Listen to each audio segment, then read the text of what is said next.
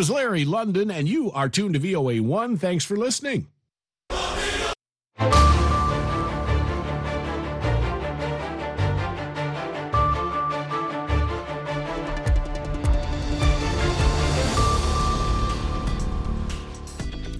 halkani waa washington laanta af soomaaliga idaacadda v o a waad ka dhagaysanaysaan mawjadaha gaagaaban efemyada geeska afrika iyo caalamka oo dhan oo aad nagala socotaan v o a somaly com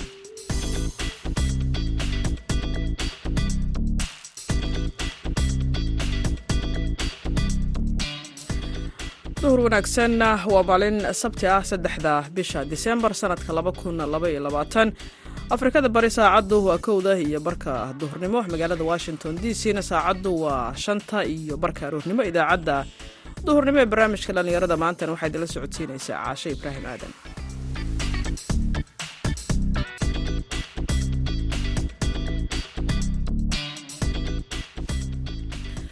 qodobada aad ku maqli doontaan waxaa ka mid ah barnaamijka madasha dhallinyarada oo toddobaadkan ku saabsan waraysi aanu la yeelanay waxa ay waraysi ku saabsan waxa ay dhallinyaradu ka bartaan tababarka hindisaha horumarinta dhallinyarada afrika ee yaali oo uu maraykanku qabto una qabto dhallinyarada intaa intaaba walaahi aad iyo aad ugu farxay. Markaaba de anaa okay isiri de hayada. Adna adnaha shaqada shaqada qabatid dadku saabay ku arkayaan. Ha communitygana de waxbaa dadka ugu qabanaysaa waxbaa dadki ugu caawinaysaa u gaarsiinaysaa. So keep going. Markaan soo noqdayna de waxa igu sii badatay jecaaladii waxaan qabanay iyo kalsoonidii baa igu sii badatay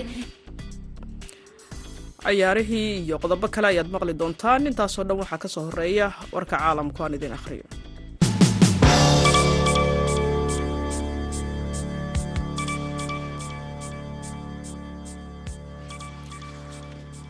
Aqalka caada ayaa sheegay in madaxweynaha maraykanka joe biden uusan sida hadalka loo dhigay wax damaca ka lahayn xilligan la joogo oo ah inuu wadaxaajood la yeelanayo madaxweynaha dalka ruushka valadimir putin oo ku saabsan soo afjaridda dagaalka dalka ukraine. Maalin kadib markii madaxweyne biden uu u muuqday inuu bixiyey shuruudo ku xiran in uu la hadlo dhigiisa dalka ruushka. Afhayeenka amniga qaranka ee aqalka caada john kibri ayaa waxa uu sheegay saxafiyiinta jimcihii in hadda aan la joogin meel ay wadahadalladu u muuqdaan inay yihiin waddo wax soo saar leh shir jaraa-id oo uu khamiistii la yeeshay madaxweynaha faransiiska emmanuel macron. Ayuu biden ku yidhi waxaan diyaar u ahay in aan la hadlo master putin haddii dhab ahaantii ay jirto xiise ku saabsan in uu go'aansado in uu raadinayo hab uu ku soo afjaro dagaalka mana uusan samayn. Taas weli. Faallooyinka madaxweyne biden waxay u muuqdeen in ay tahay digniin diblomaasiyadeed oo taxadar leh oo ka timid aqalka cad xogayaha arrimaha dibadda ee maraykanka antony blinken ayaa waxa uu sheegay in maraykanku uu u aqoonsaday dalalka shiinaha iiraan iyo ruushka iyo kuwo kale dalalka sida gaarka ah uga walaacsan xeerka xorriyadda diinta. Blinken ayaa bayaan uu soo saaray waxa uu ku sheegay in kuwa loo aqoonsaday waddamada ay sida gaarka ah uga walaacsan yihiin inay ku jiraan kuuriyada waqooyi mayamaar islamarkaana ay ku howla yihiin amaba ay u dulqaateen xadgudubyo ba'an oo ka dhana xorriyadda diinta. Dalalka algeria jamhuuriyadda bartamaha afrika ee camoros iyo vietnam ayaa lagu daray liiska dalalka isha lagu hayo. Kooxo dhowra oo ay ku jiraan kremlinka iyo dalal kale ayaa waxa uu si gaar ah u soo qaatay suuriya afrika iyo ukraine iyada oo sidoo kale loo qoondeeyey inay yihiin hay'ado walaac gaara ka leh arrimaha ku saabsan xorriyadda diinta.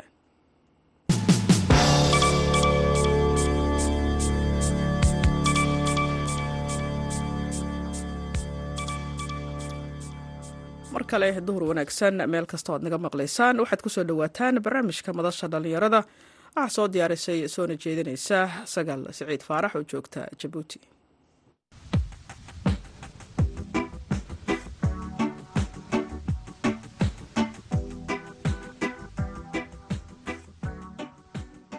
kulanti wacan oo wanaagsan dhegeystayaal dhammaantiinba meel waliba kulan wanaagsan dhegeystayaal dhammaantiinba meel waliba ood naga dhegeysanaysaan ku soo dhawaada.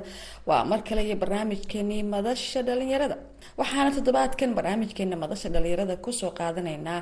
Dhalinyarada qaar kamida dhalinyarada u helay fursadaha inay ka qayb galaan tababarada caalamiga ah ee uu bixiyo dalka mareykanka kaas oo la siiyo sanad walba dhalinyarada afrikaanka ee loo soo gaabiyo yaali waxaana kulankaasi ka qayb gashay gabadh dhalinyara oo magaceeda igu soo koobtay sagal arooryaad waxaana sagal arooryaad ka wareystay bal waxyaabihii ay ka soo faa-iiday kulankaasi caalamiga ee ay ka soo qaybgalaan dhalinyaro ka kala timaada guud ahaan africa kuwaas oo loo tababaro sidii ay mustaqbalka naftooda iyo wadamadooda wax ugu qaban lahaayeen.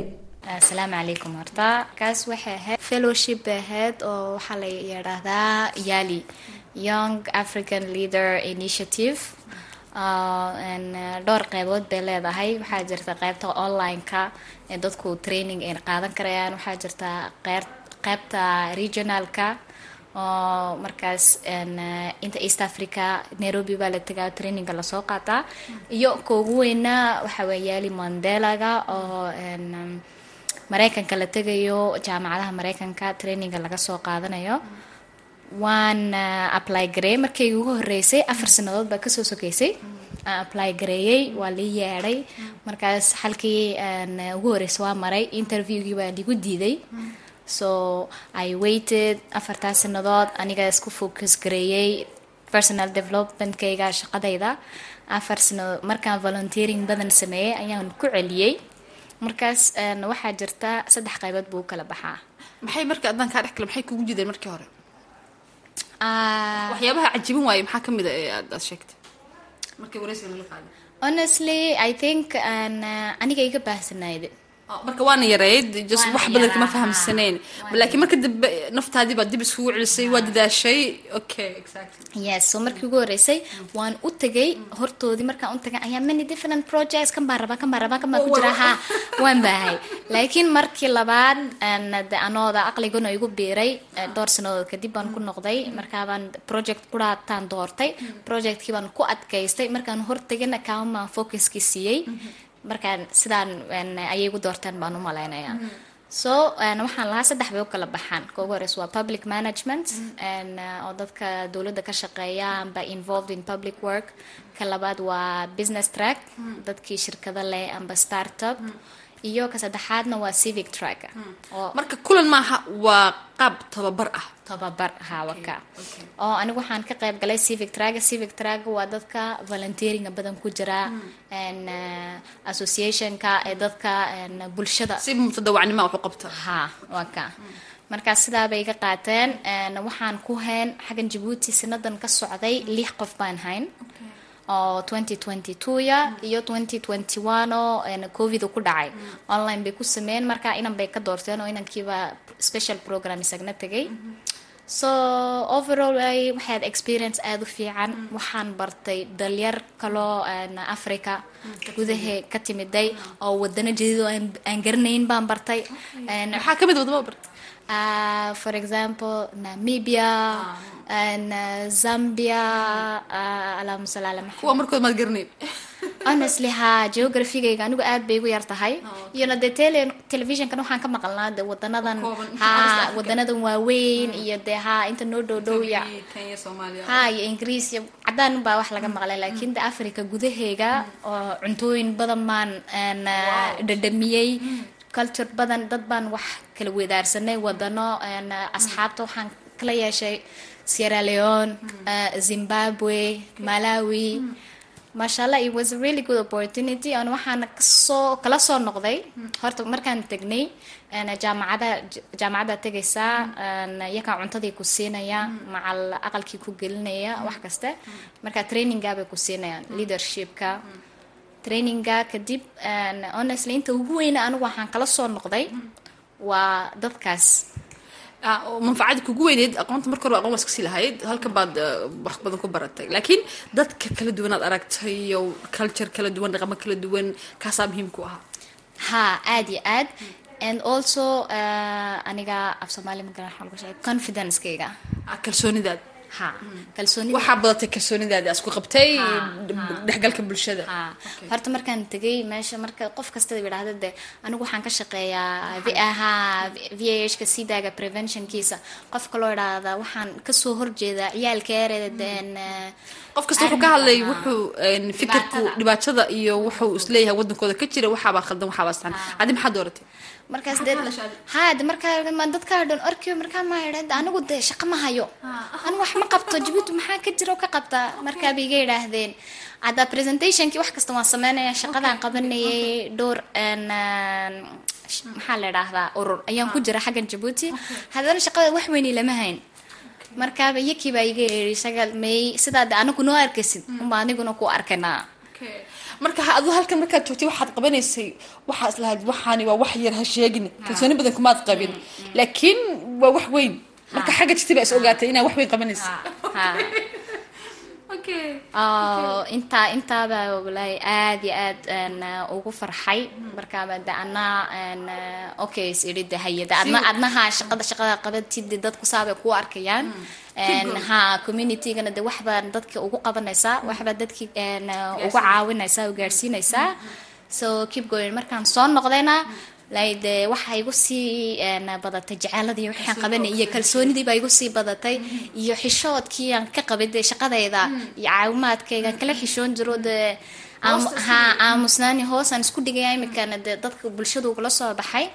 Waxaan arkayna de markaan ka hadlay anigii ina dee dhalinyartuna dee indhaha u furayso iyagna ay ku soo biiri kareen marka inta badan halkan waxaa waxaad haysay marka hore qiimeyn ama in lagu qiimay waxaa qabatid ama dadkeenu shaqo waxay u yaqaanaan qofka meel ka shaqeeya ee mushaar qaata. laakiin dadka ku shaqeeya mutadawacnimada ee dhalinyarada dadka dhex socda looma arko inay wax badan wadaan. Hebel xaguu ka shaqeeya oo naga daa wax lacag male lacag hadday jirin wax ma jiraan dadka aaminsan laakiin waxaa lagu tusay qiimaha qofka volunteerka ku shaqeeya uu leeyahay oo waana wax meel lagu gaari karayo ha iyo waxaad arkaysaa dee eh, shaqadii halkan shaqadeediina waan iska watay. Caawimaadkana waan waday. Iyo caawimaadkii inay ii noqotay opportunity da mareykanka ay gaarsiiso oo new york soo tusto ayay noqotay. Oo waxaa arkaysaa de ha inaad shaqadan aa qabanaysay Een, aa- aakhirahom haa de inaad wax ku heleen adduunya adduunyana wax waa ku helaysaa. Imise meelood baa soo aragtay maraykanka honestly waxaan soo arkay. Meelo badan waxaan joognay magaalada new jersey. And uh, marka new york jaar bay ahayd wayna geeyeen qolada jaamacadaaba noo geysay. And uh, philadelphiana wayna geeyeen washingtonna iyakaana geeyey oon soo u daawasho tagnay anna markaan programkii dhameeyey ayaa uh, magaalo kale haddana minnesota. Oo soomaalidu ku badan tahay. Soo arkay. Oo bariis iyo faxfaxna soo cunay ka waran soomaalida minnesota joogta markaad jirtay jabuuti kale ku ahayd. Ha ba- soomaalida bariis ma daayaan meel bay tagaan ha iyo muus. Okay exactly waa dhaqan kenya waxaa cuna ha iyo de- it's- it was funny maraykanka adoo joogaa oo arkaysa dadkii oo de sharee- shareeran maasha allah inamadii oo koofiyadihii sitaa garhkii waaweynaa salaada ka soo baxaya oo de a little bit of your culture oo haddana wadan kale ka helaysid aad. Marka markaad halkan joogto maraykan la yiraahdo ma malaynaysa dadku inay dukadaan ama diintoodii muujiyaan ama gabdhuhu xijaaban yihiin. Dad badan waxay moodeen wadan gaalaa la joogaa wadan gaala waa laakiin dadku waxay haystaan xorriyad ay diintooda ku samaystaan dhaqankooda ku samaystaan maraykanka waxyaabaha lagu ammaanay ka mid tahay. Haatana aad bay cajeebsay ilan telefishinka marka siiba new york markaad tiraadid dee waxaa arkaysaa waalidan een, iyo dadkan qaaqaawan ha ha laakiin anoo iska socda ayaan arkay walaahi maasha allah habla iska shareeran oo dee cidna wax haraasgaraynayn no islamophobia anigu markaan times square baan iskaga tegay anoo masarkayga sita qof wax sidaa iisoo eegaya ma jirin and it was really nice to see maasha allah and dadkoo dee maraykanka koo jooga haddana de shareerkooga sitay ha. Anigana de iimaankaygiiba iisii kordhisay aad iyo aad. Markii laga tago soomaalidina ka waran dadka muslimka ee madowga ee maraykanka u dhashtay ama ama cadaanka ama ummadaha kale qowmiyadaha kala degan ayaguna waa sida soomaalidu kale dabcan Muslimku. Mus- muslimku horta een, maraykan noqdaay een, afrikaan noqotaay markaa muslim isku sheegtid wal- walaalaad tihiin.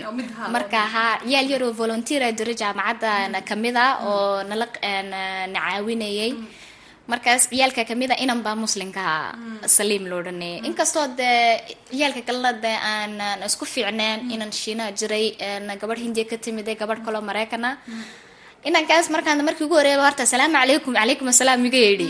Khalaas. horta de ha was something special anigiyo isaga. Ah, ha qofkan isku diin baana walaalkay. Ha, laakiin overall macal dadkan la dhex dhex joogaba intaan asxaabta kala noqday. Siiba dee gaar ahaan aniga. Anigaa ka muslin ahaa inkastoo de muslim kale iskuma iman diinnimo laakiin dabeecad dabeecadnimo iskugu iman ahaa iyo isfahmi. Iyo waxaan arkayna de qofkii de muslin hadduu muslim noqday hadduu noqon waayo de dadka qalbiga fiic- fiican ayaa dadka kala saaraya. So dad badan dad dad aad wanaagsan baa helaysaa anna waxaan ka cabsoonay maraykanka gabadh madow baa tahay. Eh, fikir Muslim kale oo qaldan baa haysatay. Ha laakiin xaggan markaan tegay waxaan arkay dad aada u furfuran. Een, way iska jiraan meel kastaba dad xun iyo dad fiican laakiin fiicnidii aan ka soo arkay ayaa ka badneed xumida.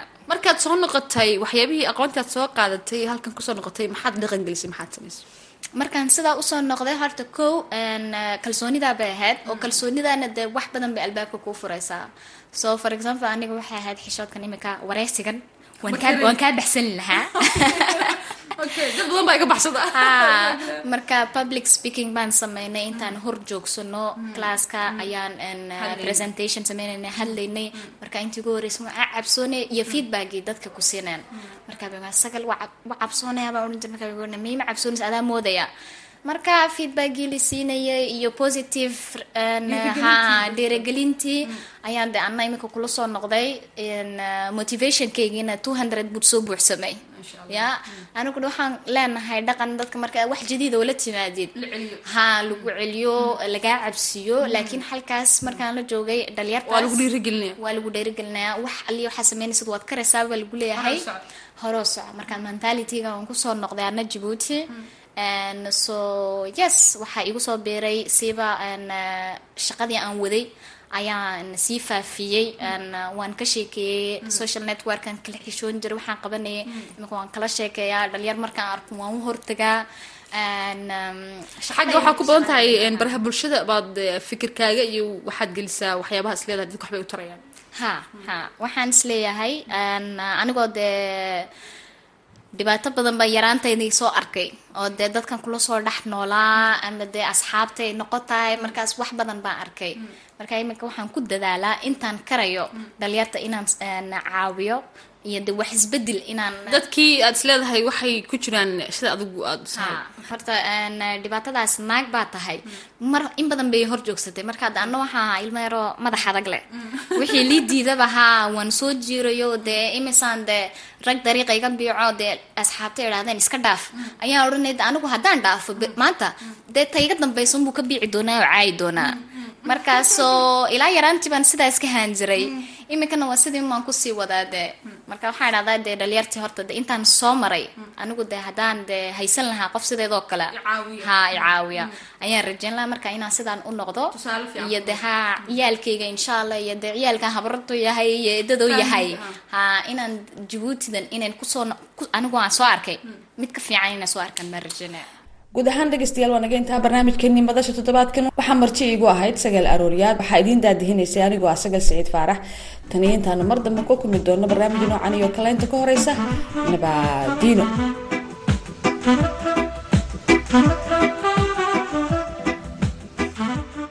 sagal siciid faarax oo joogta magaalada jabuuti ayaa barnaamijkaasi madasha dhallinyarada halkaasi ku soo diyaaray. Si halkaad kala socoteen waa barnaamijka duhurnimo ee laanta af soomaaliga v o a oo si toosa idinkaga imaaneysa magaalada washington. Tobannaan ka tirsan qowmiyadda wiigarka ayaa mudaaharaad ka hordhigay qunsuliyadda shiinaha ee istanbuul laba maalmood ka hor si ay u xusuustaan dadkii ku geeriyooday dab ka kacay. Dabaq dheer oo ku yaalla magaalada urunqi ee gobolka shinjiyang ee waddanka shiinaha. Mid ka mida dibadbaxayaasha oo la yidhaahdo maxamed mehmed cali waxa uu dabka ku waayey hooyadiis hayrin sahaan cabdiraxmaan iyo afar walaalihiisa. Markii ugu dambeysay ee cali uu wax xiriira la sameeyo qoyskiisa oo ku sugan shiinaha waxay ahayd sannadkii labada kun iyo lix iyo tobankii. Wuxuu sheegay in dhimashadooda uu ka ogaaday baraha bulshada markii hore ma rumaysan. Laba maalmood kadib dhacdada waxaan arkay sawirka meydka hooyaday iyo walaashay iga yar. Haddana mar labaad waxaan si dhow u egay baraha bulshada waxaanan ogaaday in dhismahayagu uu gubtay. Cali ayaa ka tegay waddanka shiinaha si uu wax ugu barto dalka turkiga sannadkii labada kun iyo lix iyo tobankii. Markaasoo dowladda shiinuhu ay u ogolaatay wigariska oo ah muslimiin asal ahaan turki ah in ay safraan cali waxa uu sheegay in sannadkii xigay aabbihiis iyo walaalkiis ka weyn la xiray oo la geeyey xero lagu hayo muslimiinta. Ma oga in ay weli nool yihiin. Shiinuhu wuxuu xeryaha ugu yeeraa xarumo tababar iyo waxbarasho lagu bixiyo. Cilmibaarayaasha ayaa sheegay in qiyaastii hal milyan oo qof oo ka soo jeeda wiigarka iyo kooxaha kale ee laga tirada badan yahay lagu owday xeryaha dadka lagu hayo ee shinjiyang waa kan mar kale moxamed mehmed cali ma doonayo in dunidu ay ka sii aamusnaato silica noocaasa xilli dadku ay sidan u gubanayaan. Dibadbaxayaashu waxa ay sheegeen in dadka geeriyooday ay awoodi waayeen in ay ka baxaan dhismaha gubanaya maadaama dusha looga qufulay sababo la xiriira siyaasadda shiinaha ee ka hortaga koofidka dowladda shiinuhu waxa ay sheegtay in ugu yaraan toban qof ay dhinteen hase yeeshee dibadbaxayaasha ayaa ku andacoonaya in dhimashadu ay tobannaan tahay burhaan uluyool waxa uu ka mid yahay dibadbaxayaasha wiigarka. Dhismaha oo dusha looga qufulay awgeed. dadku way ka bixi waayeen gurigooda marka uu dabku ka kacay. taasi waxa ay sababtay afartan iyo afar qof oo wiigar ah oo ay ku jiraan carruur uu ku jiro ilmo siddeed bilood jira ay ku dhintaan. dowladda ayaa sheegaysa in dabku uu ka dhashay cillad koronto dhacdadan ayaa waxa ay dhalisay mudaaharaadyo ka dhacay guud ahaan shiinaha iyo dibadbaxyo ay sameeyeen qurba joogta wiigarka ee adduunka oo dhan sida istanbul iyo washington. Dibadbaxayaashu waxa ay sheegeen in shiinuhu uu muslimiinta si adag ugu soo rogayo siyaasaddiisa la dagaalanka koofidka sheflan sir maxamed waxa uu ka mid yahay dibadbaxayaasha wiigarka siyaasadda ah covid oo laga ciribtiro waddanka waxaa loo hirgeliyey si loo sii cuburiyo wiigariska sababtoo ah go'aanka isku si looguma fuliyo shiinaha iyo wiigarka si aad u adag ayaa loogu dhaqaa muslimiinta wiigarka waxaa jira warar sheegaya in qaar ka mida magaalooyinka shiinaha ay dabciyeen xanibaadaha covid si looga jawaabo mudaaharaadyada aad ayuu mahadsan yahay jacfar kukaay ayaa warbixintaasi nala socodsiinayay halkaad kala socoteenna waa laanta af soomaaliga v o a oo si toosa idinkaga imaaneysa magaalada washington. Qodobada warka caalamka haddaan qaar idinka xusuusiyana aqalka cad ayaa sheegay in madaxweynaha dalka mareykanka jo biden uusan wax damaca ka lahayn. Xilligan la joogo inuu wadaxaajood la yeesho madaxweyne valadimir putin oo ku saabsan soo afjaridda dagaalka dalka ukrain maalin kadib markii madaxweyne biden uu u muuqday inuu bixiyey shuruudo ku xiran in uu la hadlo dhigiisa dalka ruushka afhayeenka amniga qaranka. Ee aqalka cad ayaa sheegay u sheegay saxafiyiinta maalintii jimcaha in hadda aan la joogin meel ay wadahadalladu u muuqdaan inay yihiin waddo wax soo saar leh. Xogayaha arrimaha dibadda ee dalka maraykanka antony blinken waxa uu sheegay in maraykanku uusan uu aqoonsaday shiinaha iiraan iyo ruushka iyo dalal kale dalalka sida gaarka ah uga walaacsan xeerka xorriyadda. Diinta blinken ayaa bayaan uu soo saaray waxa uu ku sheegay in kuwa loo aqoonsaday waddamada ay sida gaarka ah uga walaacsan yihiin oo ay ku jiraan kuuriyada waqooyi mayamaar inay ku howlan yihiin amaba ay u dulqaateen xadgudubyo ba'an oo ka dhana xorriyadda. Diinta haatanna waxaad nala dhegaysataan codka fanaanka saalax qaasim naaji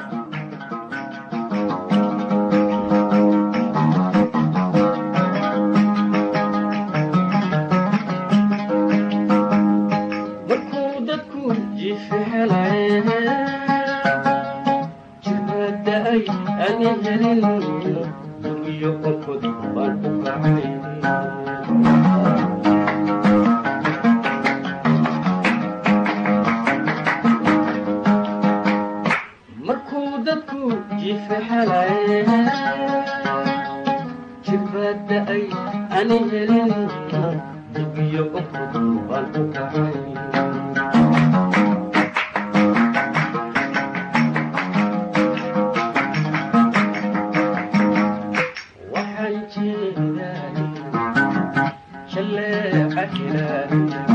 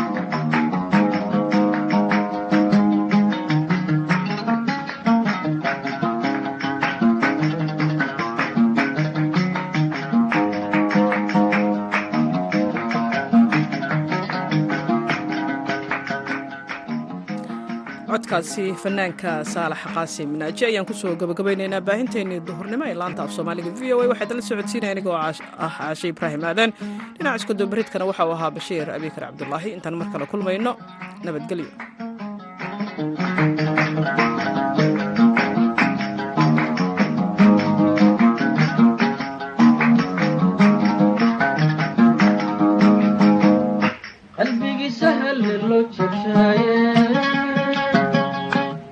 Georgia.